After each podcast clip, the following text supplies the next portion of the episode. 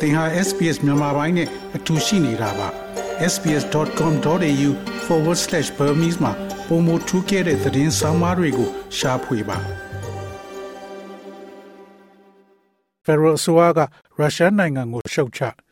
Federal ဆိုကယူကရိန်းပေါ်ရုရှားရဲ့နောက်ဆုံးတိုက်ခိုက်မှုကိုရှုံချခဲ့ပြီးကာကွယ်ရေးဝန်ကြီး Richard Marles က Kremlin သည်လူအသက်ကိုဂရုမစိုက်ကြောင်းဆွဆွဲလိုက်ပါတယ်။ရုရှားသမ္မတ ဗလာဒီမာပူတင်ကခရိုင်မီးယားတရားကိုဖောက်ခွဲမှုအပေါ်လက်တုံ့ပြန်တဲ့အနေနဲ့ရုရှားကဒုံးကျည်တွေနဲ့ပြစ်လွတ်လို့ယူကရိန်း14ဦးသေဆုံးပြီးဒါဇင်နဲ့ချီဒဏ်ရာရရှိသွားပါတယ်။ Mr. Miles ကယူကရိန်းနိုင်ငံရဲ့မြို့တော်တွင်ထိုးစစ်ဆင်နေချိန်၌ဩစတြေးလျနိုင်ငံဆိုင်ရာယူကရိန်းသားအမတ်ကြီး Vesla မာရိုရှင်ချင်ကိုနဲ့အတူရှိခဲ့ပြီးဝိုင်းရံထားသောယူကရိန်းနိုင်ငံအတွက် နောက်ထပ်ထောက်ပံ့ရေးဆိုင်ရာဆွေးနွေးမှုများကိုဆက်လက်လှုံ့ဆော်ပေးမယ်လို့ပြောကြားသွားပါတယ်။ရုရှားဒုံးကျည်တိုက်ခိုက်ရတဲ့ယူကရိန်းအတွက်အဆင့်မြင့်လေကြောင်းရန်ကာကွယ်ရေးစနစ်များပေးမည်။ရုရှားကယူကရိန်းမြို့များကိုဒုံးကျည်များဖြင့်ပစ်ခတ်တိုက်ခိုက်ခဲ့ပြီးနောက်ယူကရိန်းအတွက်အဆင့်မြင့်လေကြောင်းရန်ကာကွယ်ရေးစနစ်များထောက်ပံ့ပေးသွားမယ်လို့အမေရိကန်သမ္မတဂျိုးဘိုင်ဒန်ကယူကရိန်းသမ္မတဗ လိုဒီမာဇယ်လန်စကီကိုအောက်တိုဘာလ10ရက်နေ့ကတိပြုလိုက်ပါတယ်။ဘိုင်ဒန်ကဇယ်လန်စကီထံဖုန်းဆက်ပြောဆိုရာတွင်အမေရိကန်အနေဖြင့်ယူကရိန်းအတွက်ဆက်လက်ကူညီပံ့ပိုးသွားမယ်လို့ကတိပြုခဲ့သလိုအယက်သားပြစ်မှတ်များကိုထိမှန်ခဲ့တဲ့ရုရှားမိုက်မဲတဲ့တိုက်ခိုက်မှုများကိုပြစ်တင်ရှုံချခဲ့ပါတယ်။အမေရိကန်နဲ့မဟာမိတ်များအနေဖြင့်ရုရှားအပေါ်ထိခိုက်စေရန်ဆက်လက်အရေးယူသွားမှာဖြစ်သလိုစစ်ရာဇဝတ်မှုများနဲ့ ရက်ဆက်ချမ်းကျုပ်သည့်လောက်ရများအတွက်ရုရှားတို့တာဝန်ခံရစေရေးလှုံ့ဆော်သွားမယ်လို့ဘိုင်ဒန်ကဇယ်လန်စကီကိုပြောကြားခဲ့ကြောင်းအိမ်ဖြူတော်ကပြောဆိုပါတယ်။ထို့အပြင်ယူကရိန်းကိုလုံခြုံရေးစီးပွားရေးနဲ့လူသားချင်းစာနာမှုအကူအညီများဆက်လက်ပေးအပ်သွားမယ်လို့ဘိုင်ဒန်ကပြောခဲ့ကြောင်းသိရှိရပါတယ်။အာဏာသိမ်းပြီးချိန်မှစပြီးစစ်ကောင်စီက14နှစ်အောက်ကလေးငယ်62ဦးကိုတပ်ဖြတ်ခဲ့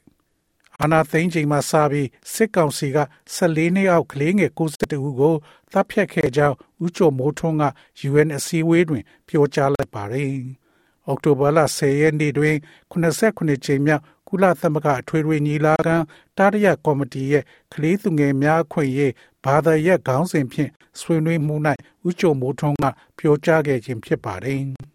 2022ခုနှစ်အောက်တိုဘာလ9ရက်နေ့ထိအရက်သားပြည်သူ 2338ဦးသည်စစ်တပ်ရဲ့ရက်ဆက်စွာတပ်ဖြတ်ခြင်းခံရကြောင်းရင်းတို့မှာ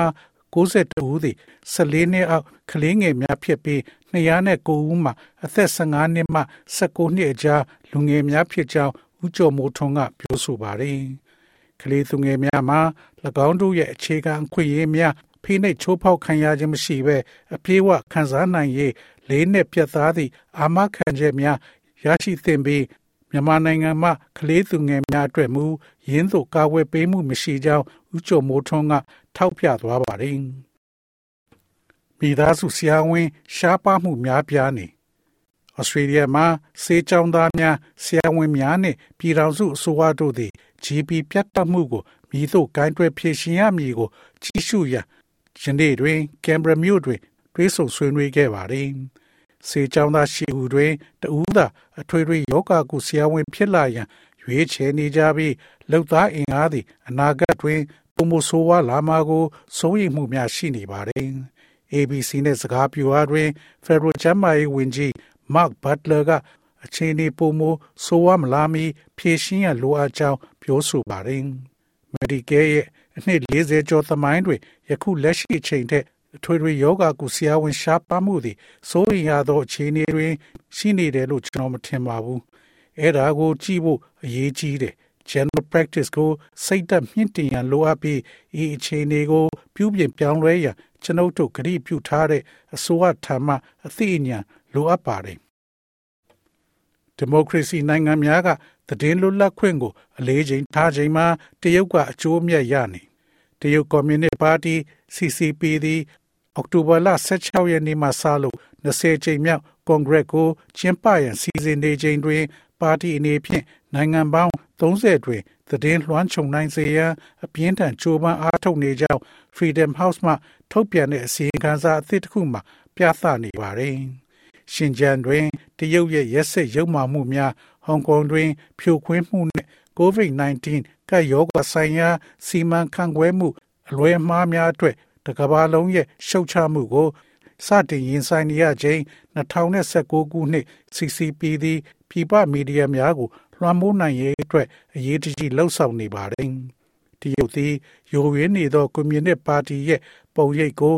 တာဝန်ယူမှုရှိသူအဖြစ်ပြသမိလှုပ်ရှားမှုကို အသုံးပြုလျက်ရှိပါတယ်။တရုတ်သည်တန်တမန်ရေးရချင်းချောက်ခြင်း cyber တိုက်ခိုက်ခြင်းလူမှုမီဒီယာပေါ်တွင်အကောင့်တူများစွာဖြင့် ဖြန့်ကျက်ခြင်းနှင့်ဒေသတွင်မှလူရင်းများရဲ့အသံများဖြင့် CCP လှုပ်ဆက်များကိုဖြန့်ဝေခဲ့ခြင်းကဲ့သို့လှိုးဝဲအချက်ကင်သောနီးဗျူဟာများကိုအသုံးပြုလာကြောင်းအစီရင်ခံစာမှာဖော်ပြထားပါတယ်။ဒီမိုကရေစီနိုင်ငံများသည်တကမ္ဘာလုံးသို့ဩဇာလွှမ်းမိုးမှုဖြန့်ကျက်ရန်တရုတ်ရဲ့အားထုတ်မှုကို မထိန်ချုပ်နိုင်တော့လဲ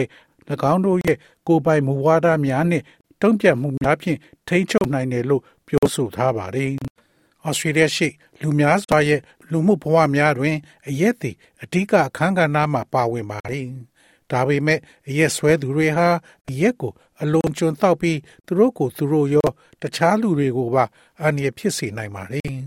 ။တမိသားစုဆွေမျိုးရင်းချတူသည်အရက်အလွန်ကျွံတောက်ခြင်းရှိမရှိနဲ့၎င်းတို့ကိုမိတို့ကူညီရမယ်ကိုသိနိုင်ဖို့ကို အခုရှာဖွေပေးမှာဖြစ်ပါတယ်။ Australia Seeing in Bureau ABS မှမကြာသေးမီကထုတ်ပြန်ထားတဲ့အချက်လက်များအရ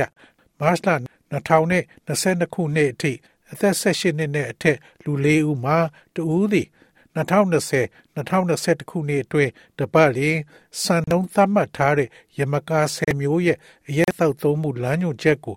ကျော်လွန်သောက်သုံးနေတာကို တွေ့ရတယ်လို့ဆိုပါတယ်။ဒါပေမဲ့ဘယ်အချိန်မှအရက်သောက်တာက ပြဿနာဖြစ်လာတာလဲ။သင်ရဲ့မိသားစုနဲ့ သင်ချင်းနေရသူသည်နာတာရှိယောဂဖြစ်တဲ့အရက်ဆွဲလန်းခြင်းရှိမရှိကိုဘယ်လိုပြောလို့ရပါလဲ။မိသားစုများနဲ့အရက်ဆွဲသူတွေကိုပံ့ပိုးပေးတဲ့ L Anon Family Group Australia မှာ CEO က Helen Gillis ဖြစ်ပါတယ်။ Miss Gillis ကစိတ်အပြောင်းရွှေ့နဲ့အပြုအမူပြောင်းလဲမှုများသည်တစုံတဦးသည်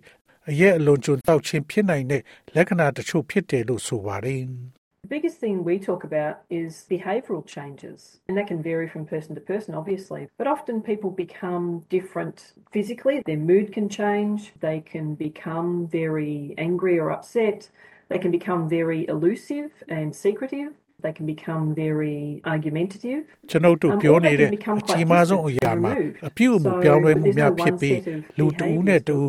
ကွဲပြားနိုင်တာကသိတာထင်ရှားတော်လဲ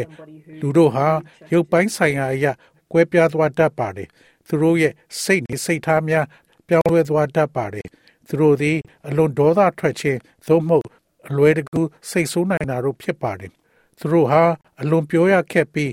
လှုပ်ဝက်တတ်သူများဖြစ်လာနိုင်ပါတယ်အလွန်အငင်းခုန်လှုပ်လာနိုင်ပါတယ်သို့မဟုတ်သူတို့သည်ခတ်တန်းတန်းဖြစ်လာပြီးသူ့ဘာသူဖယ်နေနိုင်ပါတယ်ဒီတော့အချင်းစာရိတတစုံသေးတော့မဟုတ်ပါဘူးဒါပေမဲ့ရသမားတယောက်ကို စိတ်တွေပြောင်းလဲနေတဲ့သူလို့ကျွန်ုပ်တို့တွေးလို့ရပါတယ်။ရဲနဲ့တခြားမူရစေဝါကြောင့်ဖြစ်ရတဲ့အန္တရာယ်များကိုရှော့ချရန်ရည်မှန်းထားတဲ့အစိုးရမှရန်ပုံငွေထုတ်ပေးထားတဲ့မူရစေဝါ Foundation မှအထောက်အထားမန်နေဂျာ Eleanor Castellos ဖြစ်ပါတယ်။စိတ်သက်စွမ်းရည်နေပါခြင်းအစာစားခြင်းစိတ်နေပါခြင်းတခြားရုပ်ပိုင်းဆိုင်ရာလက္ခဏာများဖြစ်နိုင်တယ်လို့သူမကပြောဆိုပါတယ်။ You might notice their energy levels are different and they don't engage the same way. Engagement in things like work or school that it may have been really important before might change. သူတို့ရဲ့စိတ်ဆွမ်းရည်အဆင့်တွေကကွဲပြားနေတာကိုသတိထားမိပြီးသူတို့ကိုတူညီတဲ့လမ်းနဲ့ဆက်ဆံလို့မရပါဘူး။အရင်ကတကယ်အရေးကြီးတဲ့အလုပ်ဒါမှမဟုတ်ကျောင်းလိုမျိုးကိစ္စတွေမှာထိတွေ့ဆက်ဆံတာပြောင်းလဲလာတာအလောက်ကကောင်းကောင်းမလုပ်နိုင်တာတို့ဖြစ်ပါတယ်။ တနင်္လာနေ့တွေမှာအလုတ်ကိုနေမကောင်းလို့လှမ်းခေါ်သလိုပါပဲ Miss Gills ကတစုံတဦးသည်အရက်သောက်ခြင်းပြဿနာရှိမရှိကို ခွဲခြားသိမြင်ရန်မလွယ်ကူကြောင်းပြောကြားခဲ့ပါတယ်၎င်းတို့သည် အလုတ်နှင့်တာမန်ဟုထင်ရသောဘဝတွင်နေထိုင်နေရဆဲဖြစ်တယ်လို့ဆိုပါတယ် We know that there are a lot of very professional people who are conducting their work and appearing to be quite functional who can have a very severe disability in မိ terms မိ of တို့ their လုပ်ငန်းကို addiction to ကောင်းစွာ alcohol. လှုပ်ဆောင်ပြီး But again, အလုပ် we ဖြစ် think ပုံ about ပေါ်သော the behavioural အလွန် changes ကျွမ်းကျင် that သော can be perfect သူ at များ work and အ then များ not ပြားရှိကြောင်း and not ကျမတို့သိ easy to ပါတယ် deal with. အရေးအလွန်ကျွံဆွဲလန်းခြင်းတွင် အလွန်ပြင်းထန်သောမသမစွမ်းမှုဖြစ်နိုင်ပါတယ်ဒါပေမဲ့လည်းအချင်းစာရိတ္တပြောင်းလဲမှုတွေအကြောင်းကိုကျွန်ုပ်တို့ထပ်ပြီးတော့စဉ်းစားနိုင်ပါတယ်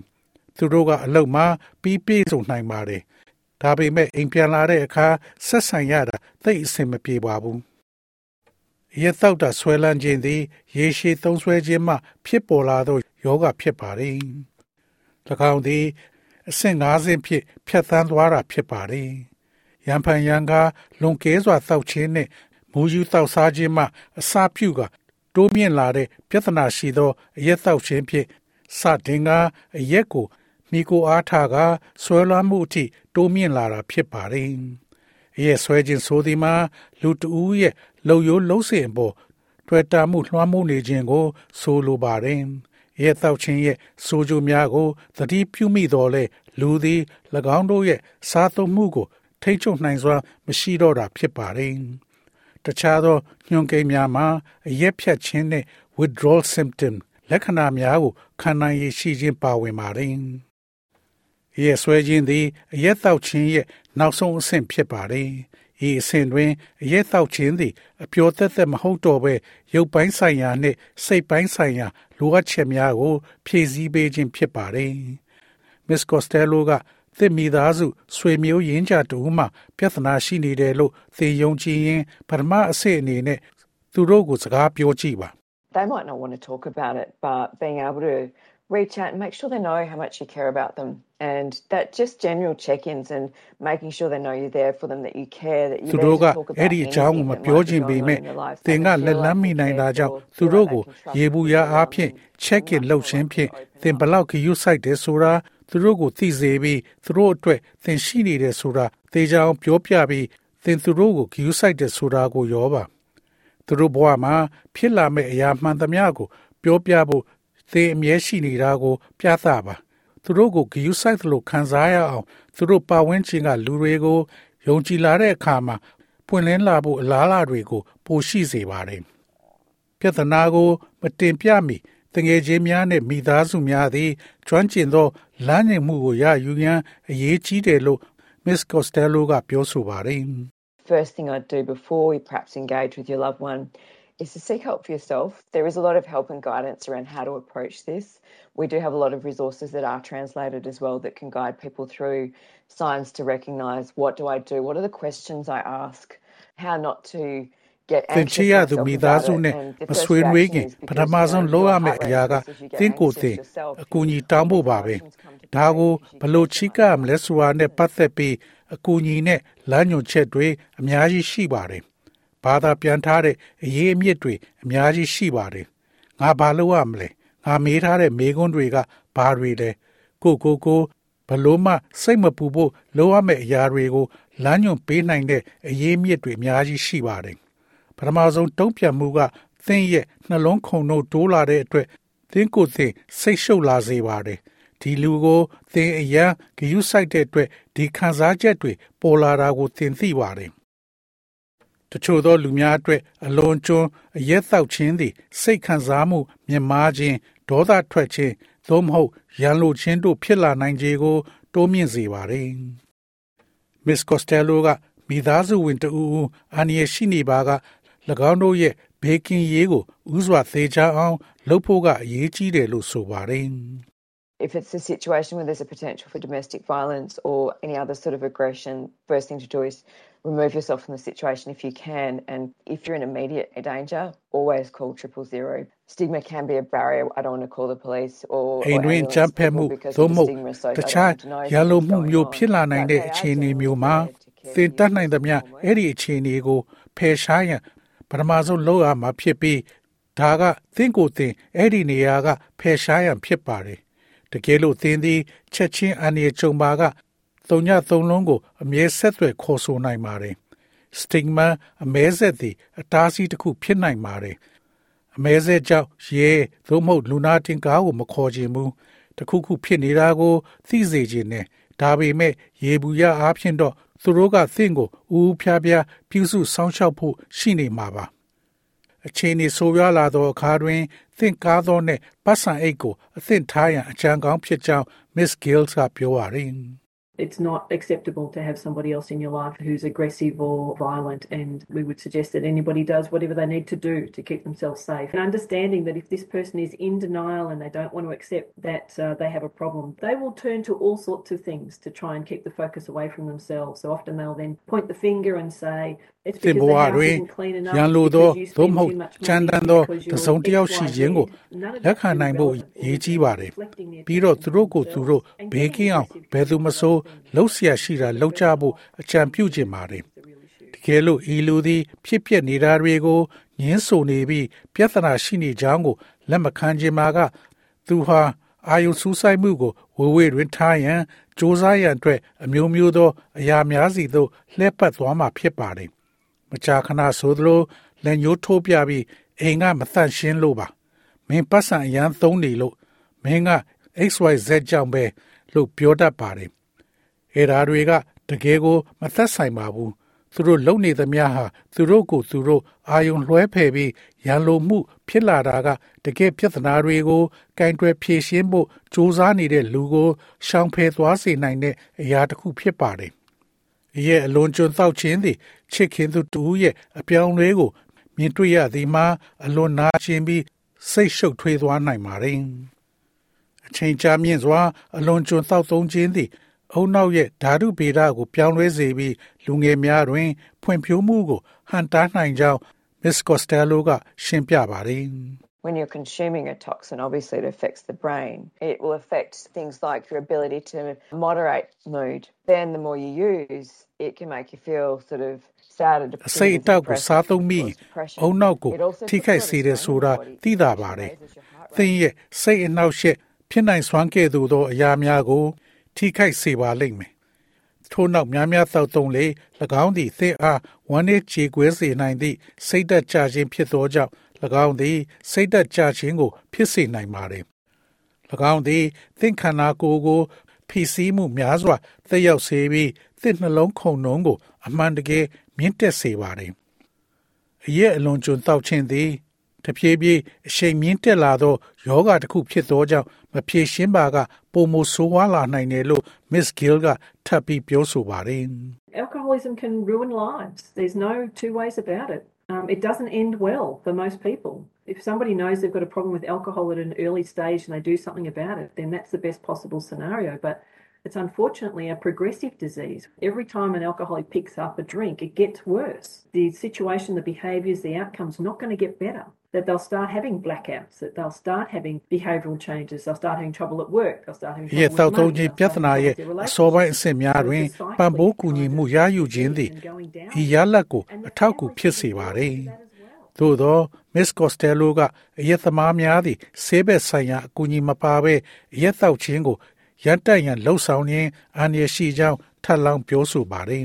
Our Path to Help website does have over 10,000 help and support services listed there that can be found for your local area as well. It's a good starting point and it also has a lot of self-help information because they may not be ready to talk ကျွန် to တော်တို့ someone ရဲ့ but they might be Part ready to to have a Help look at some of the website things တွင် they might be able စည်ရင် to ပြု do စု to ထား start သော those initial အကူအညီ stepping နှင့် stones to ပံ့ပိုး get ကူ some ညီ help မှု and support. ဝန်ဆောင်မှုတစ်သောင်းကျော်ရှိပြီး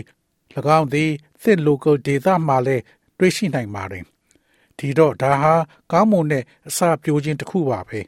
ထို့အပြင်၎င်းတို့သည်တစုံတဦးနှင့်စကားပြောရန်အစဉ်သင့်မဖြစ်နိုင်သောကြောင့်၎င်းတို့တွင်မိမိကိုယ်ကိုကူညီနိုင်သော အချက်လက်များစွာလည်းပါရှိပါသည်သို့သော၎င်းတို့သည်စတင်လှုပ်ဆောင်နိုင်တဲ့အရာတချို့ကို ကြည့်ရှုရန်အစဉ်သင့်ဖြစ်နိုင်ပါတယ်တချို့သောအကူအညီနှင့်အထောက်အပံ့များရရှိရန်ကနဦးခြေလှမ်းများဖြစ်ပါတယ် Miss Gills ကလည်းမိသားစုများအတွက်ကျွမ်းကျင်သောအကူအညီကိုရယူရန်အတွက်အရေးကြီးတယ်လို့ဆိုပါတယ်။ထို့သောပြုလုပ်ခြင်းသည်အရက်ဆွဲနေသူအားကုသခံယူရန်တွန်းအားပေးနိုင်ပါတယ်။ You can't change that person from making the choices that they're going to make, but the families can make choices. And it can be really hard. I think one of the hardest things we ever have to do is see people we care about be in pain. But we have to look after သူတို့လုံးမဲ့ရွေးချယ်မှုတွေကနေအဲ့ဒီလူကိုသင်မပြောင်းလဲနိုင်ပေမဲ့မိသားစုတွေကရွေးချယ်မှုတွေလုပ်နိုင်ပြီးဒါကတကယ်ကိုခက်ခဲနိုင်ပါတယ်ကျွန်ုပ်တို့လုံးရသမျှအခက်ခဲဆုံးအရာတွေထဲကတစ်ခုကတော့နာကျင်ခံစားရတာကိုဂယုစိုက်တဲ့လူတွေကိုမြင်ရောက်နေတာပဲလို့ထင်ပါတယ်ဒါပေမဲ့ကျွန်ုပ်တို့က ကိုကိုကိုဂယုစိုက်ရမယ်ကျွန်ုပ်တို့ကကိုယ့်အတွက်မှန်ကန်တဲ့အရာနဲ့ပတ်သက်ပြီးဆုံးဖြတ်ချက်တွေချပြီးတခြားသူပြန်ကောင်းလာဖို့မျှော်လင့်နိုင်ပါတယ်။ဩစတြေးလျရှိရွှေပြောင်းအခြေချနောက်ခံများမှလူများသည်အရက်ရှောင်ရန်သို့မဟုတ်ရှော့တောက်ရန်အလားအလာပိုများကြောင်းဒေတာများကဖော်ပြထားပါတယ်။အင်္ဂလိပ်ဘာသာမှလွဲ၍တခြားဘာသာစကားကိုအဓိကပြောဆိုသူထက်ဝက်ကျော်သည်အရက်ရှောင်သူများ သို့မဟုတ်ရခင်အရက်တောက်သူများဖြစ်ပါတယ်။အကူအညီကို Alcohol and Drug Foundation website တွင်ဘာသာစကားများစွာဖြင့်ရရှိနိုင်ပါတယ်။သောရရှင်များအကူအညီလိုအပ်ပါက အောက်ပါဝန်ဆောင်မှုများကိုဖုန်းခေါ်ဆိုနိုင်ပါတယ်။ LNON Advice Line 1300 252 666 The ADF Advice Line 1800 858584 Lifeline 131114 1-800 respect karo 1-800-737-732 Beyond Blue karo 1300 222 4636တို့ကိုဆက်သွယ်နိုင်ပါတယ်။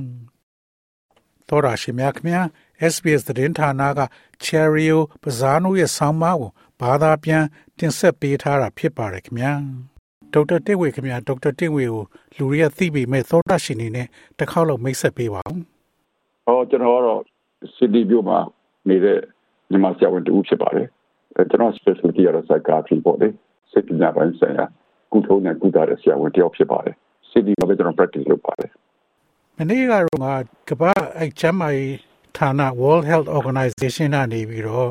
ဒီအောက်တိုဘာလ10ရက်နေ့ကို World Mental Health Day ဆိုပြီးသူတို့သတ်မှတ်ခဲ့ပါတယ် အဲ့ကကဘလို့ကြောင့်အဲ့လိုအထူးတယုံသတ်မှတ်ခြင်းဖြစ်ပါလဲအဲ့ဒီ question ကိုမေးတဲ့အတွက်ဥပမာဝင်ကျေးဇူးတင်ပါတယ်ဒါအင်မတန်ရေးကြီးတဲ့ topic တစ်ခုဖြစ်ပါတယ်သူရဲ့ background ပြောရမယ်ဆိုလို့ရှိရင်တော့1990ခုနှစ်လောက်ကပေါ့ဗျာကမ္ဘာစိတ်ကြမ်းရေးဆိုင်ရာ Federation ခေါ်တဲ့ World Federation for Mental Health ဖွဲ့ရနေပြီးတော့စိတ်ကြမ်းရေးအတွက်ကမ္ဘာလုံးမှာရှိတဲ့လူထုကိုပညာပေးဖို့နဲ့ကာကွယ်ဆောက်ရှောက်ဖို့အရေးကြီးတဲ့အချက်ကိုတင်ပြပြီးတော့ ကမ္ဘာနိုင်ငံပေါင်းအဖွဲ့ဝင်နိုင်ငံပေါင်း150ပါဝင်တဲ့အစည်းအဝေးကြီးပြုလုပ်ပြီးတော့ဒီအောက်တိုဘာ10ရက်နေ့ကိုကမ္ဘာ့ကျမကြီးဆိုင်ရာနေ့တစ်နေ့ဖြစ်အမှလိုက်တော့အားလုံးသဘောတူကြတယ်အဲ့ဒါကိုကျမကြီးအဖွဲ့ကြီးဖြစ်တဲ့ WHO ကလည်းပဲအတိမတ်ပြုခဲ့ပါတယ်အဲ့ဒီကစပြီးတော့နှစ်စဉ်နှစ်တိုင်းအောက်တိုဘာ10ရက်နေ့ကို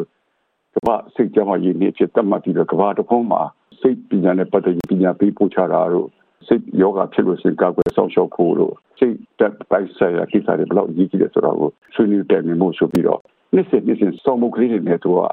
လုပ်ပြီးတော့ဒီဘာလုံးက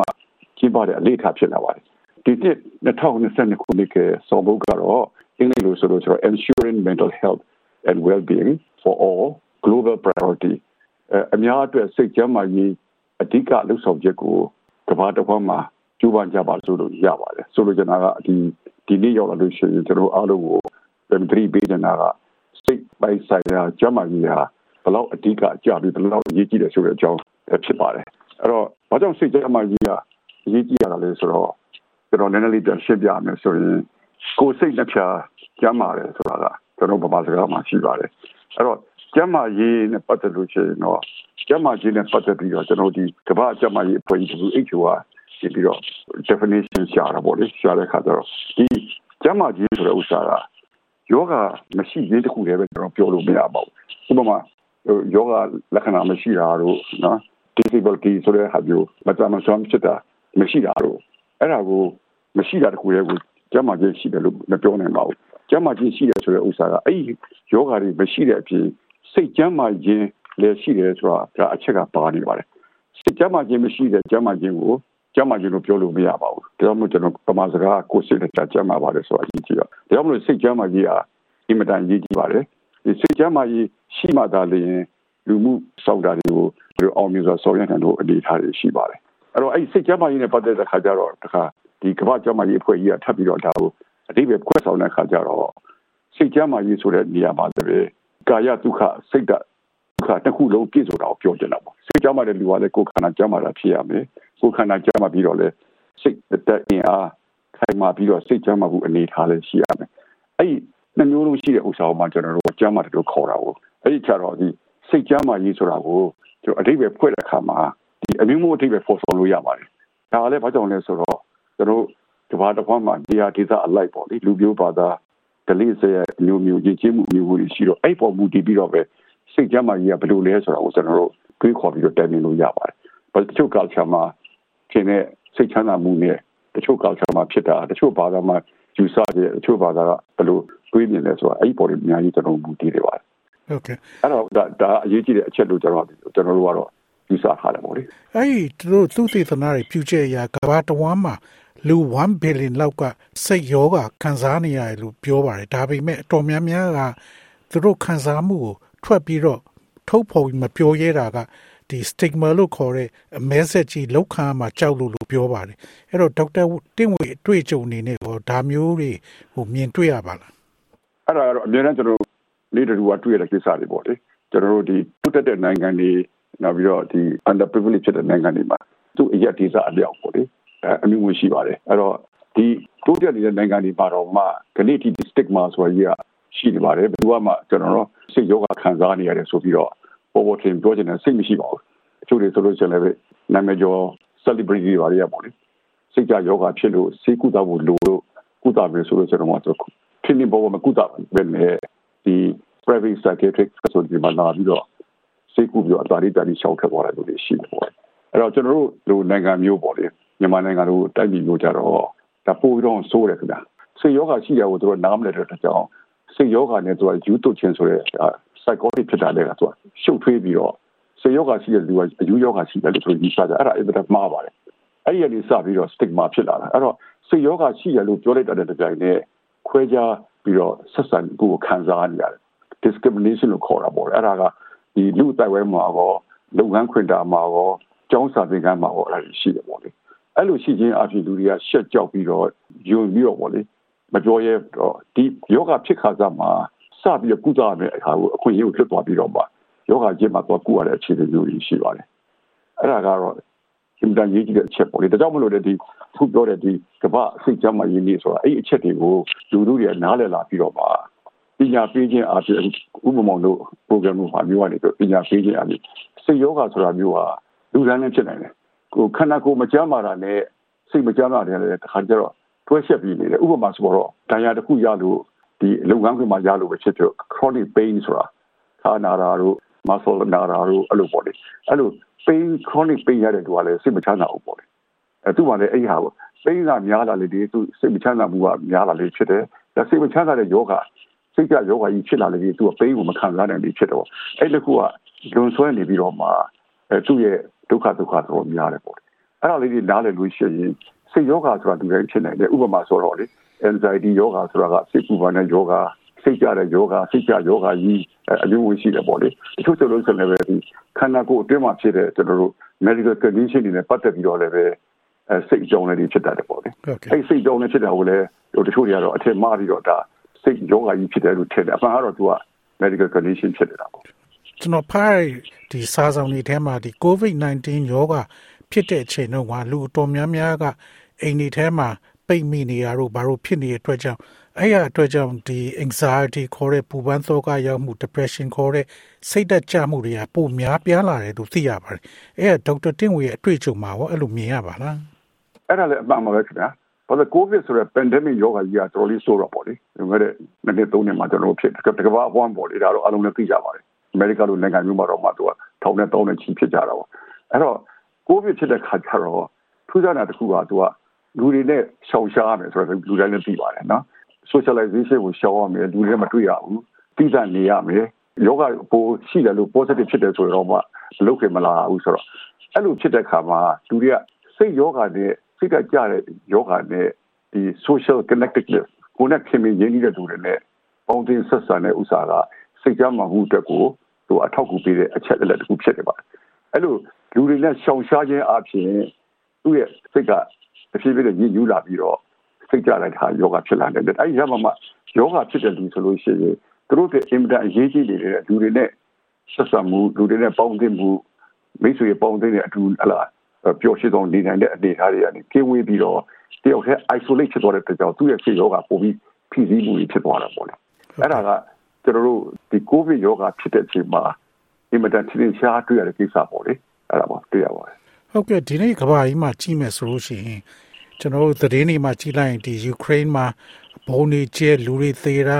နောက်တစ်ခေါက်ဒီဆိုင်ကလုန်းကြောင့်ဒီဖလော်ရီဒါနဲ့ပါကစ္စတန်တို့မှာလူတွေငတ်ဘေးကြုံတာတို့ဘာတို့တွေတွေ့ရတယ်နောက်ကျွန်တော်တို့မြန်မာနိုင်ငံမှာဆိုလို့ရှိရင်လည်းစစ်အာဏာရှင်ကဒီနိုင်ငံရေးခေါင်းဆောင်၄ယောက်ကိုကုမြစ်ပစ်တာတို့နောက်ရွာတွေကိုမီးရှို့ပစ်တာတို့ဘာလို့ဒါတွေကိုတစ်ချိန်လုံးမြင်နေရတော့ လူအတော်များများက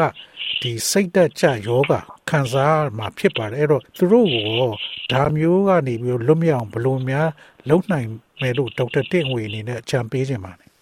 အဲ့ဒါတော့ကဘာလို့ဆရာထိခိုက်မှုပေါ့လေအခုတို့တို့အင်မတန်စဉ်ဆက်မပြဖြစ်ပေါ်ပြနေတဲ့လူခွေထိခိုက်မှုနဲ့ချိုးဖောက်မှုတွေဆိုတာကျွန်တော်အချင်းချင်းကြားနေရနော်အဲ့ဒါတွေကအဲ့မှာအလုတ်ကမှာပဲဖြစ်ဖြစ်အကြောင်းမှာပဲဖြစ်ဖြစ်နော်လူမှုတိုက်ပွဲမှာဖြစ်တဲ့တောင်းတဲ့တယောက်က discovery လုပ်တာလို့အဲ့ဒါမျိုးတွေ့အဲ့ဒီပူဆိုးတာကအခုခက်ဥပမာပြောလို့ပေါ့လေယူကရိန်းခက်ဆိုတော့မကြည့်ယူကရိန်းနဲ့ရုရှားနဲ့ဖြစ်တဲ့ကိစ္စအဲ့ဒီကဘာမှမစီးရီးယားကိစ္စအဲ့ဒီမှာဆိုရင်စစ်ရေးပြိပခတ်တွေကအတော်များများဖြစ်တဲ့ခါမှာစစ်တမ်းကိုကြောင့်ခံစားရတဲ့ခန္ဓာကိုယ်ချိုးယွင်းမှုတို့ losses တို့မိသားစုတွေကြွေချင်းမှုတို့တယောက်နဲ့တယောက်အဲ့လိုအဲ့လိုအတိုက်အုံကြီးဖြစ်စီမှုအဲ့ဒါမျိုးတွေပေါ့လေ အဲ့ဒါဖြစ်တဲ့ဥစ္စာမြန်မာပြည်မှာဆိုလို့ရှိရင်ကျွန်တော်တို့ဒါအားလုံးကျွန်တော်မြန်မာတွေအကုန်လုံးခံစားနေရတာပေါ့လေနေ့စဉ်ကြားသိနေရတယ်အဲ့ကိုကိုယ်တိုင်ခံစားရတဲ့လူတွေရှိတယ် atrocity တွေကိုနှိမ့်ဆက်ခြင်းပါမှုတွေမတရားမှုတွေဘူးလီလုပ်မှုတွေအမျိုးစုံပေါ့အဲ့ဒီဟာတွေကိုလူငယ်လေးတွေတွေ့ရတယ်လူကြီးတွေလည်းခံစားရတယ်အဲ့တော့ပြန်စဉ်းစားမယ်ဆိုလို့ရှိရင်လူငယ်တဘာဝပြောပေါ်ရှင်းရှင်းနေရမယ့်ကလေးအရွယ်တွေရနေပြီးတော့အဲ့ဒီမှာ struggle လုပ်ပြီးဒါတွေကိုပဲသူကတွေ့မြင်ခဲ့ရတယ်ကိုကိုယ်တိုင်လည်းကြုံတွေ့တယ် ပိုဆိုးတာကကျွန်တော်တို့ display ဖြစ်သွားတဲ့လူတွေပေါ့လေစစ်ဘေးရှောင်တဲ့လူတွေအဲ့တော့တို့ရွာလုံးကျုံပြီးရှို့ခံရတာတို့တက်တက်မဲ့လိုက်ပြီးတော့ဒီလူတွေကိုဟလားဖမ်းဆီးဖို့အတွက်ချိန်ချော့ပြီးတော့အနောက်ကလိုက်တော့ထွက်ပြေးရတဲ့လူတွေရှိအဲ့အဲ့ဒီကစင်ကလေးဖြစ်တဲ့လူတွေရဲ့စိတ်ဓာတ်ကဒါသူတို့ကလူထဲမှာတော့သူတို့ဟိုတော့ရှိတယ်ပေါ့လေဟိုဒါကို NGO လုပ်တဲ့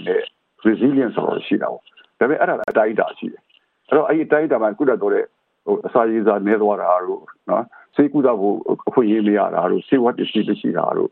ဒီအဲ့ဒီဟာတွေအလုံးပေါင်းလိုက်တဲ့အခါမှာစိတ်သက်ကြတယ်ဆိုတာဖြစ်လာတယ်တော့ပေါ့လေအဲ့ဒီမှာမှ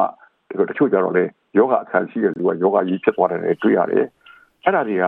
ဒီကဘာဝမ်းဖြစ်နေတာပေါ့လေအဲ့တော့ဒါတွေကိုပဲဥပမာကိုယ်တည်းမကြုံရဘူးဆိုလို့မကြုံရဘူးဆိုလို့ရှိရင်ကျွန်တော်ဒီနိုင်ငံခြားမှာနေတဲ့ကိုယ်တိုင်းပြည်မှာဖြစ်တာတွေကိုနေ့စဉ်ရက်ကြားနေရတော့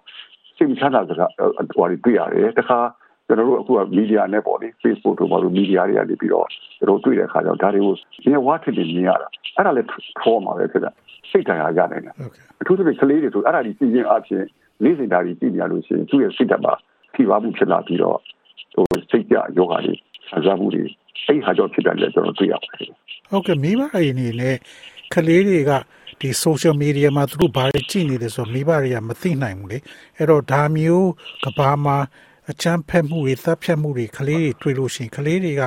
သူတို့များအားဖြင့်ထုတ်မပြောဘဲနဲ့သူတို့ရင်ထဲမှာပဲထားပြီးခံစားရတတ်ပါတယ်အဲ့တော့မိဘတွေအနေနဲ့ဘလို့များလုံနိုင်ပါလဲမိဘတွေအဲ့ဒါကိုအင်မတန်တတိချဖို့လိုတဲ့အချက်ဖြစ်ပါတယ်ဘာလို့တော့သူဒီငယ်ရွယ်တဲ့လူငယ်တဲ့အုံနောက်နဲ့လူငယ်လူငယ်တဲ့အတွေ့အခေါ်နဲ့ပေါ့လေအဲ့ဒီမှာဒီခုနစိတ်ချောချစရာနဲ့မတရားမှုအကျင့်ခံရတာတို့နော် atrocity တို့ ဒါတွေကိုပဲအများနဲ့တွေ့နေရတာရှိတယ်သူကလည်းပဲနောက်ဆုံးတော့ကလေးတွေဆိုလို့ရှိရင်ဥပမာ internet မှာဒီ violent ဖြစ်တဲ့ game တွေကစားကြတာပေါ့အဲ့ဒါလည်းတနည်းအားဖြင့် addiction ရပြီးဆွဲသွားကြပြီးတော့လုံတော့တော့အပျော်လုပ်ကြတာပေါ့လေဒါပေမဲ့ဒါတွေကိုပဲကျွန်တော်ရက်ဆက်နေ့စဉ်လုပ်နေမယ်ဆိုရင်သူ့ရဲ့စိတ်မှာဒရာမာလာပြီးတန်ရတရက်လို့လာဖြစ်လာနိုင်တယ်အဲ့ဒါတော့သူလည်းမသိဘူးပေါ့လေမသိပေမဲ့ဒီကလေးရဲ့ကြီးပွားတိုးတက်မဲ့အချိန်မှာ developmental stage မှာအဲ့ဒါအနောက်ရှက်ဖြစ်သွားပြီးတော့သူကတကယ်ကို စိတ်ကြမ်းမာပြီးတော့ပျော်ရွှင်ပြီးတော့ဖြစ်လာနေတဲ့အနေအထားကိုရဖို့အခက်အခဲဖြစ်သွားနိုင်တယ်အဲ့ဒါကြောင့်မလို့မိဘတွေကအဲ့တော့သတိချက်ပြီးတော့ဥပမာ internet သုံးမယ်ဆိုလို့ရှိရင် internet time ကိုသူတို့ limit လုပ်ဖို့လိုပါတယ်။ဘာကြောင့်လဲဆိုတော့သူတို့ဘာတွေကြည့်နေပြီလဲ။သူတို့ကဒီဟာတွေကိုကြည့်ပြီးတော့ဘယ်လိုစိတ်စိတ်ထဲမှာပေါ်ပေါက်နေမလဲ။သူတို့မှဘယ်တော့ခံစားနေရမလဲဆိုအဲ့ဒါလေးကိုမသိနိုင်ဘူးမိဘကလည်းပဲကလေးနဲ့သားသမီးနဲ့ဆိုလို့ရှိရင်ဟို communication အများအား open လုပ်ထားပြီးတော့တကယ်လို့သူတို့စိတ်ထဲမှာကြောက်ကြမှုရှိရင်မိဘကိုလာပြီးတော့ ပြောနိုင်တဲ့အနေအထားမျိုးရှိအောင်လဲကိုဖွင့်ပေးထားရမယ်တချို့ကလည်းပြောမှာမဟုတ်ဘူးပေါ့လေအဲ့တော့ကသူတို့ internet ကိုဘယ်လောက်သုံးရမလဲအတားအဆီးရှိရမယ်တခါဒါကတော့ကျွန်တော်တို့ဒီ restriction လို့ပြောလို့ရတယ်ဒါပေမဲ့ကောင်းဖို့အတွက်ကျွန်တော်လုပ်ပြရတဲ့ကိစ္စဖြစ်တာပေါ့လေအဲ့ဒါအဲ့ဒါကအဓိကကြတယ်လို့ကျွန်တော်ထင်ပါတယ်နောက်တစ်ခုကဒီ bipolar disorder ဆိုတာဘာလဲဆိုတာနည်းနည်းရှင်းပြပေးပါ bipolar ဆိုတာတော့ဗျာစိတ်အတက်ကြရှိတာကိုပြောတာပေါ့လေခုနကပြောတဲ့ဆိုပြောရတဲ့စကားတွေမှာစိတ်ကြယောဂကြီးဆိုတာ depression ခေါ်တာပါ depression ဆိုတာကတော့ဒီလိုတာမန်ဒီပါလည်းပဲကိုအခြေအနေနဲ့အဆင်မပြေလို့ရှိရင်စိတ်ဓာတ်နဲ့ပါကြတာစိတ်ဓာတ်တာမှမယ်ခင်ဗျာလူတိုင်းတော့စိတ်ရတဲ့စိတ်ဓာတ်ကြတယ်က depressed ဖြစ်တယ်ပြောနေကြတယ်အဲ့ဒီမှာမှအားလုံးယောဂဖြစ်နေဝင်သွားပြီဆိုတော့ယောဂဆိုတာလည်းပဲဒီ genetic ပါတယ်မီယိုဖလာဝါဖြစ်လာတဲ့ကိစ္စတွေပါတယ်ပဝင်းကျင်မှာနဲ့အခြေအနေတွေပေါ်မူတည်တယ်စေဝါပြီးဆွဲတာပေါ့လေမူတည်တာပေါ့လေအဲ့ဒီဟာတွေအလုံးပေါ်ပြီးစိတ်ကြယောဂကြီးဖြစ်သွားတာကို depression ဆိုတဲ့ major depression လို့ခေါ်ပါတယ် အဲတချို့ကြတော့လေအဲ့ဒီယောဂမျိုးဖြစ်တဲ့လူက recurrent depression ယောဂဖြစ်တဲ့ခါမှာ depression ဖြစ်တယ်သူ episode က depression ဖြစ်ပြန်ကောင်းလာတယ်ပေါ့လေဒါပေမဲ့တချို့ကြတော့လေအဲ့တမျိုးဖြစ်တယ်ကွာ depression က opposite ဖြစ်တယ် mania ဆိုတာကအဲ့ဒါကြတော့ဖြောင်းပြန်မယ် depression ဖြစ်ရင်စိတ်ဓာတ်ကျတယ်ဒီမှာနဲ့မတွေ့ခြင်းမခေါ်ခြင်းဖြစ်တယ်အစားတော့မစားခြင်းဘူးဟိုအေးပြက်မယ်ဝိတ္တိပဲကြာမယ်ဟိုကြတော့ many ဖြစ်တဲ့လူကြတော့ဖြောင်းပြန်ဖြစ်ပြီးတော့သူ့ဘူးကအရင်တက်ကြွလာတယ် တက်ကြွလာပြီးခေါင်းထဲမှာလည်း idea တွေအများကြီးများလာတယ်သူကသူသိတော်တယ်တက်တယ်ထင်ပြီးတော့စကားတွေအများကြီးပြောပြီးတော့လုံလုံကြီးတွေဖြစ်လာတာပေါ့အဲ့ပါရက်တော့တောက်တောက်သုံးတာလည်းရှိတယ်အဲ့ဒါကိုကျွန်တော်တို့က manic episode လို့ခေါ်တယ်အဲ့တော့အဲ့ bipolar ဖြစ်တဲ့လူကြတော့ဟိုတယောက်မှာတော့စိတ်ကြယောဂဖြစ်တဲ့လူကတော့ depression မဖြစ်တာနောက်တစ်ခါပြန်ပြီးအခြေအနေမကောင်းရင် depression ပြန်ဖြစ်မှာပဲနော်တချို့က depression ဖြစ်တဲ့ခါဖြစ်လိုက်တယ်နောက်တစ်ခါကျတော့ manic ဖြစ်နေဖြစ်သွားတယ်အဲ့ဒီ manic ဖြစ်ရနေပြီးတော့တစ်ခါ depression ပြန်ဖြစ်ရင်ဖြစ်သွားတယ်ဒါတွေက chronic illness ပေါ့လေယောဂကြီးလို့ခေါ်တာပေါ့အဲ့ဒါအကြောင်းကသူက bipolar ဆိုတာဟိုအစွန်းပေါ့လေဟိုဘက်ပိုးတယ်ဒီဘက်ပိုးတယ်ခံစားတာကိုပြောတာပါဒေါက်တာတင့်ဝေအခုလိုရှင်းပြပေးတဲ့အတွက်ကျေးဇူးအများကြီးတင်ပါတယ်နော်အဲကျွန်တော်လည်းအခုလိုအရေးကြီးတဲ့နေ့မှာပညာပေးတဲ့အနေနဲ့မိညာနဲ့အတွက်ကျေးဇူးအများကြီးတင်ပါတယ်ဥမ္မာ thank you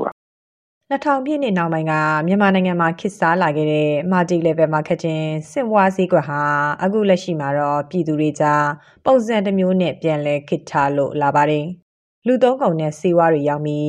MLM ဈေးကွက်ထဲရှိတဲ့ကိုယ်စားလှယ်တွေက အဖွဲ့ဝင်တစ်တွေကိုရှာဖွေဈေးကွက်ချဲ့ထွင်တဲ့စီးပွားရေးတစ်ခုပါ။အရင်ကလူချင်းတိုက်ရိုက်ဆက်သွယ်ကွန်ရက်ချဲတဲ့စနစ်ကနေအခုချိန်မှာတော့ digital online စနစ်တစ်ခုအဖြစ်ပြန့်နှံ့လာနေတာဖြစ်ပါတယ်။ ပြီးခဲ့တဲ့လပိုင်းအတွင်းမှာပဲ Zoom ဆိုတဲ့ online store application အတူတခု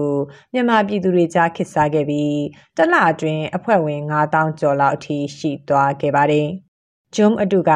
MLM ပုံစံမျိုးပုံပေါ်လာတယ်လို့ဝေဖန်မှုတွေထွက်ပေါ်ခဲ့ပြီးသုံးစွဲသူတွေနဲ့ anti MLM တွေကြားလက်ရှိအချိန်ထိပဋိပက္ခတွေလည်းဖြစ်နေပါတယ်။ digital shopping application ဖြစ်တဲ့ Joom Asset ကဥရောပကစတင်ခဲ့ပြီးလိုက်လုပ်ထားသူ9တန်းကျော်သုံးစွဲသူ350ကျော်ရှိပါတယ်။အခုထွက်ပေါ်နေတဲ့ Joom အတူရဲ့မှန်ပါကြီးဟာလက်ရှိဒေါ်လာပေါက်စီနဲ့ဆိုအနည်းဆုံးကျပ်3,400လောက်ကနေတွင်ပြီးမှကိုယ်စလဲလုပ်လို့ရတာဖြစ်ပြီးလက်ရှိမှာတော့မှန်ပါဝင်ကြီးအနည်းအမြင့်လိုက်ကျပ်2သိန်းကျော်ဖြစ်နေပါပြီ။ ဂျွမ်အတူဆိုတာမသိခင်ကဝင်ရောက်လုတ်ကင်မိခဲ့တဲ့အဆိုတော်တူဖြစ်သူကိုရဲနောင်ကဒါတချို့ site တွေကိုကျွန်တော်က promotion ပေးလို့ကျွန်တော်ကဟိုကဒီကတော့ကြာကျွန်တော်ရတယ်လို့ကြားရတယ်ဟိုက share လုပ်ပြီးတော့ပေါ့အမှလူရှာလို့ဖြစ်သွားတယ် promote လုပ်လို့ဖြစ်သွားတယ်ဆိုကျွန်တော်ကနောက်ပိုင်းကြံသေးတယ်လိုက်တော့နောက်ပိုင်းမှာ line ပေါ်မှာဒီလိုမျိုးဥစ္စာတွေကလုံးဝအာမခံချက်မရှိတဲ့စာတွေကြာတကယ်လို့လိန်ကြီးသွားတာတော့ဒီ link ဒီ website link တွေပိတ်သွားတဲ့အခါမျိုးမှာဘယ်သူမှတာဝန်မှုတာဝန်ခံမှုမရှိဘူးဗျာကိုကြီးပုံစံဆိုတဲ့အတွက် messaging ကျွန်တော်လုပ်ခဲ့တဲ့ promotion ဆွေးတခုဖြစ်ခဲ့တဲ့ video တွေဆိုတော့အကုန်ပြင်ဖြတ်တယ်။ကျင်းတော့ဘာလို့ဒီလိုမျိုး scan site တွေမှာလောက်နေရလဲဆိုဒီကတော့ဗျာကျွန်တော်ကအရက်တောက်တယ်ဒါပေမဲ့သူများကအရက်တောက်ဖို့မဆွဲဘူးပေါ့ဒီလည်းကျွန်တော်ဒီလူလည်းမဆွဲဘူးမြန်မာမြန်မာနိုင်ငံကလူတွေမလောက်တဲ့ site တွေမှာကျွန်တော်လောက်တယ်နောက်ပိုင်းကျတော့လေမလုံးပေးထားတဲ့ site တွေပေါ်လာလို့ဆိုရင်တတိထားကိုစီရပတ်စံအရင်ပေးလိုက်ရတဲ့ site တွေဆိုပြီးထားသေးတယ်။ဘာလို့ဆိုတော့နားမလည်ပဲလုပ်တယ်ဆိုကိုပဲခံရမှာအဲ့ဒါဆိုရင်တော့ဒါကအန်ဒီတိတ်မရှိဘူး ဖြစ်နိုင်တယ်ဆိုတော့ဒီလို site မျိုးတွေမှာဝင်ပြီးတော့မပျော်ပါးတာအကောင်းဆုံးပဲသူကဘယ်လိုမျိုးလဲဆိုတော့အလောင်းကစားလို့ပဲဆိုရတယ်တခါငွေရဘူးလေဆိုနောက်တစ်ခါဒီလိုမျိုး site တွေလိုက်ရှာပြီးတော့ငွေရှာရတယ်အဲဒီကလူမခေါ်နဲ့ပြီးတော့ရင်ကိုကိုယ်တိုင်အဆုံးဆုံးနေမဲ့သူနဲ့စပြီးတော့ရင်တတိနာတယ်နေသူနဲ့တိုင်ပြီးတော့မှလောက်စီနေကြဟုတ် လက်ရှိမြန်မာနိုင်ငံမှာခေတ်စားနေတဲ့ John application အတူနဲ့ပတ်သက်ပြီးသက်ဆိုင်ရာရုံးတွေစီတိုင်ကြားမှုတွေပြုလုပ်ခဲ့ပေမဲ့သူတို့နဲ့မသက်ဆိုင်ကြောင်းသာစထုတ်ပြန်ခဲ့ပြီးအခုလက်ရှိ John အတူကတော့ပုံမှန်လုပ်ငန်းလက်ပတ်နေစေပါသုံးဆွဲသူများပြီးရောင်းအားကောက်တဲ့ application အစစ်ရဲ့ logo တွေကိုယူသုံးပြီးဖွံ့ဖြိုးဆဲနိုင်ငံတွေမှာလိမ်လည်မှုတွေကိုအများဆုံးကျူးလွန်နေတယ်လို့ anti-MLM တွေကဆိုကြပါတယ်။ ဂျွန်းအပါအဝင် Amazon, eBay, Shopee စတဲ့နာမည်ကြီး online ဈေးကွက်စနစ်တွေကိုအသုံးချပြီး member တိုးအောင်လုပ်ခါဝင်ငွေရှာတဲ့ application အတုပုံစံတွေကရာချီရှိနေတာပါ။ application အတုနဲ့အစစ်မခွဲတတ်ပဲနိပညာအားနေတဲ့ကျင်းလက်နေပြည်သူတွေကိုကွန်ရက်ထဲဝင်ရောက်ဖို့လောဘတက်လောက်စရာမလုံးပေးတဲ့ပုံစံမျိုးတွေလှုပ်ဆောင်နေကြတာဖြစ်ပါတယ်။ application အတူမှာတကယ်ဈေးဝယ်နေစရာမလိုပဲ order အတုတင်ပြီးကြော်ညာလုပ်ငန်းပုံစံနဲ့အယောင်ဆောင်ကလစ်ခိုင်းစေတာမျိုးပါ။ကိုယ်တိုင်ကလူတစ်ယောက်ဆွဲနိုင်တိုင်း1ဒေါ်လာရသလိုကိုဆွဲလိုက်တဲ့လူကအော်ဒါတစ်ခုတင်တိုင်း level အလိုက်ရာဂိုင်နှုန်းတွေပေးနေတဲ့ MLM ပုံစံမျိုးစီးပွားရေးတစ်ခုလည်းဖြစ်နေပါတယ်။ နောက်ပိုင်းမှာမန်ပါအဝင်နေသွားရင် နောက်ကလူသွင်းတဲ့အသင်းဝင်ကြီးနဲ့ရှေ့ကလူတွေထုတ်တဲ့ငွေမညီမျှတဲ့အခါဒီလုပ်ငန်းဟာရပ်သွားနိုင်တယ်လို့ကြံ့ကျင်သူတွေကသုံးသပ်ကြပါတယ်။ MLM လုပ်ငန်းတွေကိုစတင်ခဲ့ပြီးအသိပညာပေးလုပ်ငန်းလုပ်ကိုင်နေသူကိုစင်စေးကတော့လက်ရှိထွက်ပေါ်နေတဲ့ John application အတူနဲ့ပတ်သက်ပြီးအခုလိုပြောပါတယ် ဒီမှာဒီ level marketing company တွေရဲ့အာဇယိုက်လက္ခဏာထားပါတော့ဟို9ခု6ခုရှိရဆိုရင်သူတို့ ICI လက္ခဏာတွေက3ခုလောက်ကိုယူပြီးတော့မှသူတို့ပါသူတို့လောက်ကြတဲ့ခါတွေရှိတယ်အဲ့တော့အဲ့ဒါကလည်းပုံစံအမျိုးမျိုးပဲဥပမာတချို့ဟိုပစ္စည်းရောင်းနေဆိုတဲ့ဟာမျိုးတွေပေါ့နော်ရှိတယ် online မှာ sales agent ပေါ့နော်အဲအယောင်းကိုဆိုလည်းခေါ်ရဲဆိုတဲ့ပုံစံမျိုးအဆင့်5ဆင့်လောက်အထိ bonus ပေးတာမျိုးပေါ့နော်အဲပြီးရင်တကယ်တကယ်တမ်းမှာ အာပစ္စည်းရောင်းထွက်ဖို့အတွက်သူတို့အဓိကကလူရှာဖို့ agent ရှာဖို့ဆိုတာဦးစားပေးတာမျိုးအဲ့ဒါဒီအရှင်းပြောတော့ MLN နဲ့တော်တော်ကြီးကိုဆင်တယ်ဒါပေမဲ့ MLN လို့ကတော့ပြောဖို့တော့ခက်တယ်ဘာသူတို့ကလည်း MLN လို့ဝန်မခံဘူးပေါ့အဲ့ဒါဆိုတော့အဲ့လိုမျိုးလုပ်နေကြတဲ့ဟာတွေကလည်းတော့အုပ်စုရှိတယ်သူတို့စကားနဲ့ပြောရင်းနှီးမြှုပ်နှံမှုလို့အဲ့ရင်းနှီးမြှုပ်နှံမှုပေါ်မူတည်ပြီးတော့လားစဉ်ရာဂိုင်နှုန်းတစ်ခုအကျိုးကျေးဇူးပေးမယ်လို့မို့တချို့ဆိုအပတ်စဉ်ပေးတယ်အဲ့ဒါအပြင်အာထပ်ပြီးတော့လူခေါ်ရင်ထပ်ပြီးတော့ပတ်စံထပ်ပေးတယ်အဲ့တော့လူခေါ်ရင်ပတ်စံထပ်ပေးရဆိုတဲ့အပိုင်းမှာ MLN နဲ့နည်းနည်းစပြီးတော့ဆင်လာတယ် အဲ့မှာမပို့ပြီးတည်တာကလူခေါ်ရင်တယောက်စာပေးတာမဟုတ်ဘဲနဲ့ခေါ်တဲ့လူကထပ်ခေါ်တဲ့လူကိုပါပေးတယ်အဲခေါ်တဲ့လူရဲ့ထပ်ခေါ်တဲ့လူရဲ့ထပ်ခေါ်တဲ့ဟာတွေပေးတယ်ဆိုပြီးတော့သုံးလေးစင်တွေပေးလာပြီဆိုရင်တော့ဒါလုံးဝ MLM လို့ပြောလို့ရတယ်ပေါ့နော်လူခေါ်လို့ပေးတိုင်းတော့မှအကောကတော့ MLM လို့ပြောလို့မရှိဘူးကွာဘာလို့တခြား business တွေမှာလည်းရှိတတ်တာအဲဒါပေမဲ့လူခေါ်တာပေးတာမှတစ်ဆင့်နဲ့မဟုတ်ဘဲနဲ့သုံးလေးစင်ကြော်လာပြီဆိုတော့ဒါ MLM ရဲ့သင်္ကေတလို့ကိုတော့ယူဆတာနိုင်ငံတကာမှာဆိုရင်တော့စစ်ပွားစည်းကွယ် MLM စနစ်ဟာစနစ်ကျတဲ့အခွန်စနစ်တွေဥပဒေတွေနဲ့လှုပ်ဆောင်ကြတာပါ စင်ကာပူနိုင်ငံနဲ့တရုတ်နိုင်ငံတွေမှာဒီလို element စနစ်တွေဟာပြည်သူတွေအတွက်အကျိုးမရှိဘဲဥပဒေအတွင်းကကာကွယ်ပြီးထိထိရောက်ရောက်ပိတ်ပင်တာမျိုးတွေကိုပြုလုပ်ထားကြပါတယ်။အခုလိုနိုင်ငံအများစုကပိတ်ပင်ထားကြပေမဲ့မြန်မာနိုင်ငံအပါအဝင်ဖွံ့ဖြိုးဆဲနိုင်ငံတွေမှာတော့ကြကြပြန့်ပြန့်ရှိနေစေပါ။ လက်ရှိခေတ်စားနေတဲ့ online စနစ်တင်မကပဲ NMN ပုံစံစနစ်လှုပ်ဆောင်ပုံကမြန်မာနဲ့အိမ်နီးနားချင်းထိုင်းနိုင်ငံနှစ်ခုကြားမှာတော့ကွာခြားမှုများစွာရှိနေပါတယ်။ MLM စနစ်ကိုအသုံးပြုပြီးလူသုံးကုန်နဲ့အဝတ်အထည်တွေရောင်းချနေတဲ့ထိုင်းနိုင်ငံဇူလီယန်ကုမ္ပဏီရဲ့မန်နေဂျာဖြစ်သူကိုရှိန်အောင်ကတော့အဓိကတော့ဥပဒေပဲဗျဒီမှာဥပဒေရှိတယ်နောက်တစ်ခုက ML စနစ်ကပြောမစို့အစိုးရကိုယ်တိုင်ရလဲအခွန်အတိအကျ ရတယ်လေအခွန်တိကျရပြန်အခွန်လည်းရတာလည်းများတယ်အကောက်ခွန်ကိစ္စအကောက်ခွန်ကလည်းကျွန်တော်တို့ဒီမြန်မာနိုင်ငံသားတွေထဲမှာပဲဆိုလို့ရှိရင်တနေ့ဟိုပငါးသိန်းအခွန်ဆောင်နေလို့ရှိရင်ကျွန်တော်တို့ထိုင်းဘိန်းမျိုးနွယ်တွေရနေပြီးတော့သူ့နိုင်ငံအတွက်ဆိုဒါအခွန်ဆောင်တဲ့အတွက်နိုင်ငံသားတွေရောတော့လည်းကောင်းသူ့နိုင်ငံသားတွေရောလည်းကောင်း သူကချီးမြှင့်တဲ့ဟာတွေရှိတယ်ဗျဒါပေမဲ့မြန်မာနိုင်ငံမှာကျတော့အခွန်ဥပဒေလည်းအတိအကျမရှိတော့မြန်မာနိုင်ငံတော့ကဒီ MN စနစ်မှာအစင်းသိမဖြစ်သေးတဲ့အနေအထားမျိုးထိုင်းမှာကျတော့ဒီပစ္စည်းတစ်ခုကိုပြောမယ်ဆိုရင်ဒီပစ္စည်းဒီ FDA နဲ့တေချာစစ်ဆေးထားရတယ်ဗျဒီပစ္စည်း FDA စစ်ဆေးပြီးရင်ဒီပစ္စည်းရဲ့နောက်တစ်ခုကျညာတော့မယ်ဆိုဒီပစ္စည်းရဲ့လိုအောင်လိုတာလည်းပြောလို့မရဘူးပိုလည်းပြောလို့မရအောင်နောက်တစ်ခုကဈေးနှုန်းကသူကုမ္ပဏီကတတ်မှတ်ထားတယ် ဒီသူကတ်တက်လောက်ထဲမှာပါတဲ့ဈေးနှုန်းဒီဈေးနှုန်းဒီကုမ္ပဏီကသတ်မှတ်ထားဈေးအကဲ member ဝင်မယ်ဆိုရင် member ဈေးကဒီလောက်ဒီတက်လည်းဈေးက short လို့မရဘူးဒီတက်လည်းပိုရောင်းလို့မရဘူးဒီတက် short ရောင်းမယ်ဒီတက်ပိုရောင်းမယ်ဆိုရင်ကုမ္ပဏီကိုယ်တိုင်ဘန်းမှာအဲလိုမျိုးရှိတယ်ဒီမှာကြတော့အဲ့လိုမျိုးရက်တည်ကြတာလေမြန်မာနိုင်ငံမှာ2016ခုနှစ်လောက်ကတည်းက MNN စနစ်ကိုတိုက်ဖြတ်ဖို့ကြိုးပမ်းလာကြတဲ့ anti MNN တွေအပါအဝင်လွှတ်တော်အမတ်ကိုယ်စားလှယ်တွေဟာဥပဒေရှိဖို့ကြိုးပမ်းခဲ့ကြပါတယ်။ 2018ခုနှစ်စက်တင်ဘာလလောက်မှာတော့စီးပွားရေးနဲ့ကုသရေးဝန်ကြီးဝန်ကြီးဌာနက multi level marketing လုပ်ငန်းတွေကိုအရေးယူမယ်ဆိုပြီးကြေညာချက်ထုတ်ပြန်ခဲ့ပါတယ်။ multi level marketing စနစ်ကိုဆက်လုပ်မယ်ဆိုရင်ထောင်ဒဏ်3နှစ်အထိကြာရောက်ခံရမှာဖြစ်ပြီးငွေကျပ်9သိန်းလဲပေးဆောင်ရမှာဖြစ်တယ်လို့ထုတ်ပြန်ချက်မှာပါဝင်ပါတယ်။ ဒီလိုကြေညာချက်ထုတ်ပြန်ပြီးနောက်မှာတော့ရန်ကုန်တိုင်းအထူးစုံစမ်းစစ်ဆေးရေးဦးစီးဌာနကနေ MLM ကုမ္ပဏီ42ခုကိုစုံစမ်းစစ်ဆေးခဲ့ပြီးပိတ်သိမ်းခဲ့တဲ့ကုမ္ပဏီတွေလည်းအများပြားပါ ဒီမိုကရေစီအစိုးရလက်ထက်မှာတော့ MLM စနစ်ကိုဥပဒေပေါင်းတွင်အရေးယူနိုင်ခဲ့ပေမဲ့လက်ရှိတဖန်ပြန်ပေါက်ဖွာလာတဲ့အခြေအနေဟာစစ်အာဏာသိမ်းကာလဖြစ်တာကြောင့်ဤပညာအသုံးချငွေကြေးလိမ်လည်မှုတွေကိုအရေးယူနိုင်မဲ့အုပ်ချုပ်ရေးစနစ်ပြည့်ရင်းသွားပြီလို့ပြောလာသူကရှေ့နေဦးကြည်ဝင်းပါစီးပွားပြက်တာကိုလို့ပြောတော့စီးပွားပြက်တဲ့အခါကျတော့လူကြီးအကျင့်မှာအကျင့်တွေမှာပြက်သွားတာကိုကျင်တရားတွေမှာပြက်သွားတာအဲ့ဒါဒါက တကယ်တော့ကျတော့ရာဇဝမှုတော့မဟုတ်ဘူးစီးပွားရေးရလုပ်ငန်းကိုင်ကနေပြက်တဲ့အခါမှာ breach of contract ပေါ့ breach ချိုးဖောက်တဲ့သဘောပဲရှိတာပါဟိုပါမအခြေခံဘူးပါမအခြေခံမို့တဲ့အခါကျတော့ဘလို့မှဥပဒေနဲ့ဘာမှလုပ်လို့မရနိုင်ဘူးဒီတိုင်းပြည်ကနိုင်ငံရေးအခြေအနေရအုပ်ချုပ်ရေးစီးပွားရေးလူမှုရေးစီရေးအကုန်လုံးထိခိုက်ပျက်စီးနေတဲ့အခါမှာတရားဥပဒေနဲ့ကူစားဖို့ဆိုတာမလုပ်နိုင်ဘူး တရားဥပဒေမစိုးဘူးပုံပေါ့ကွယ်။ပါမန်ဒီပြည်နိုင်ငံကြီးကာဝယ်လို့ရပြီမဲ့ဒီမှာကလုံးလို့မရဆိုင်။ဒီနိုင်ငံတွေနေရှင်းလို့မရဘူးတော့လက်ရှိနိုင်ငံတွင်းမှာအလောက်ကန်ရှားပါမှုနဲ့ဝင်ငွေနှဲတာကိုရင်ဆိုင်နေရတဲ့မြန်မာပြည်သူတွေအတွက်တော့ဝင်ငွေအမျက်စွန်းရနိုင်မဲ့နည်းလမ်းတွေကိုပို့ပြီးရှာဖွေလာကြတာပါ ဒီလိုရှာဖွေလာကြတဲ့အခါဝင်ငွေရလန်မက်လုံးပေးဆွဲဆောင်လာတဲ့ multi level marketing ပုံစံ online ဈေးကွက်တက်ခစ်ထလာတာမှာတခြားသူတွေရင်းရတဲ့ငွေနဲ့အမျက်စွန်းရနေတာတွေကိုဆင်ခြင်မိကြဖို့ MLM နဲ့ပတ်သက်ပြီးအသိပညာပေးသူတွေကတတိပေးပြောဆိုကြပါတယ်။ လက်ရှိမှာ MLM စနစ်အခြေခံတဲ့လုပ်ငန်းဆိုပြီးမဝင်ခံပဲအဲ့ဒီသဘောမျိုးလှုပ်ဆောင်နေကြတဲ့လုပ်ငန်းမျိုးတွေနဲ့လူများများစီရအောင်ဖြန့်ဝေမဲဆွဲနေသူတွေနဲ့ပတ်သက်ပြီးသူလုံမဲ့နီလန်တွေကိုကိုစင်ကြီးကအခုလိုဆိုပါတယ် MLM သမားတွေ investment scammer တွေကပတ်စံကရှားရတာလွယ်တယ်သူတို့အတွက်ပေါ့နော်အဲ့လိုရှားပြီးတဲ့အချိန်မှာသူတို့ကနိုင်ငံရေးရဲ့ဘယ်အပေါက်ကိုမဆိုဝင်တိုးမှာပဲအဲ့လိုဝင်တိုးတဲ့အခါမှာတည်မလားဟိုအလူငွေသက်သက်ထည့်ပြီးတော့ဝင်တိုးလို့ရသွားတယ်ဆိုတာမျိုးဖြစ်ရင် ဟိုနိုင်ငံအတွက်ရေရှည်လဲအန်နေများတယ်အဲ့တော့ကိုကရှင်းပြောတော့အဲ့ဒါကိုအနည်းဆုံးကာနိုင်အောင်ဆိုပြီးအကိုတို့ကတော့ icing ကိုတော့ပို့မယ်လို့ကတော့ကိုဆုံးဖြတ်ထားတာပေါ့နော် public ကိုပြန်တင်တဲ့ကိစ္စကတော့ public ကနေပေါ်တင်ကြီးလူများများဆွဲနေရလို့ယူဆရတဲ့လူတွေဆိုရင်တော့အကို risk ယူပြီးအကိုကိုယ်တိုင်ပဲတင်လိုက်မယ်အဲ့အနည်းဆုံးတော့ the social pressure နဲ့ဟန်တာပေါ့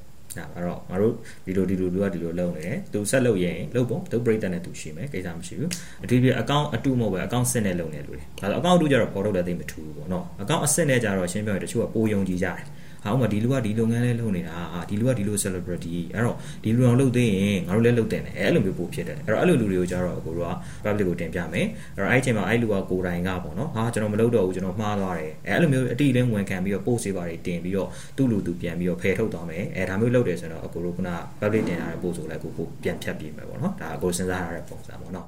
စစ်အာဏာသိမ်းကာလ စီးပွားရေးပြိုလဲနေခြင်းအခက်တွေ့နေရတဲ့ မြန်မာပြည်သူတွေအတွက်တော့ နေ့စဉ်ဝင်ငွေဆိုတာ ကောက်ရိုးပုံနဲ့ အပြောက်ရှာနေရသလိုပါ ဒီလိုအခြေအနေမှာ ဝိသမလောဘသမားတွေရဲ့ကြော်ခွင်းနဲ့ဝင်ပြီး ကောက်ရိုးမြင်ကိုဆွဲဖို့ ကြိုးစားရက multi level marketing စီးပွားရေးစည်းကွက်တဲ့မနှိမြုပ်ဖို့ဆိုတာ အချင်းချင်းတတိပေးခေါင်လောင်းချိုးနေရတဲ့ အခြေအနေသာ ဖြစ်နေပါတော့တယ် ဒီသတင်းဆောင်မကိုတန်လွင်ခက် က ပေးပို့ထားတာ ဖြစ်ပါတယ် ဒါမျိုးသတင်းဆောင်မတွေကိုပိုနားဆင်လိုပါလား Apple Podcast Google Podcast Spotify တို့မှာသင်ပင်ရာဖြစ်ဖြစ်ရယူတဲ့ podcast ကနေပါ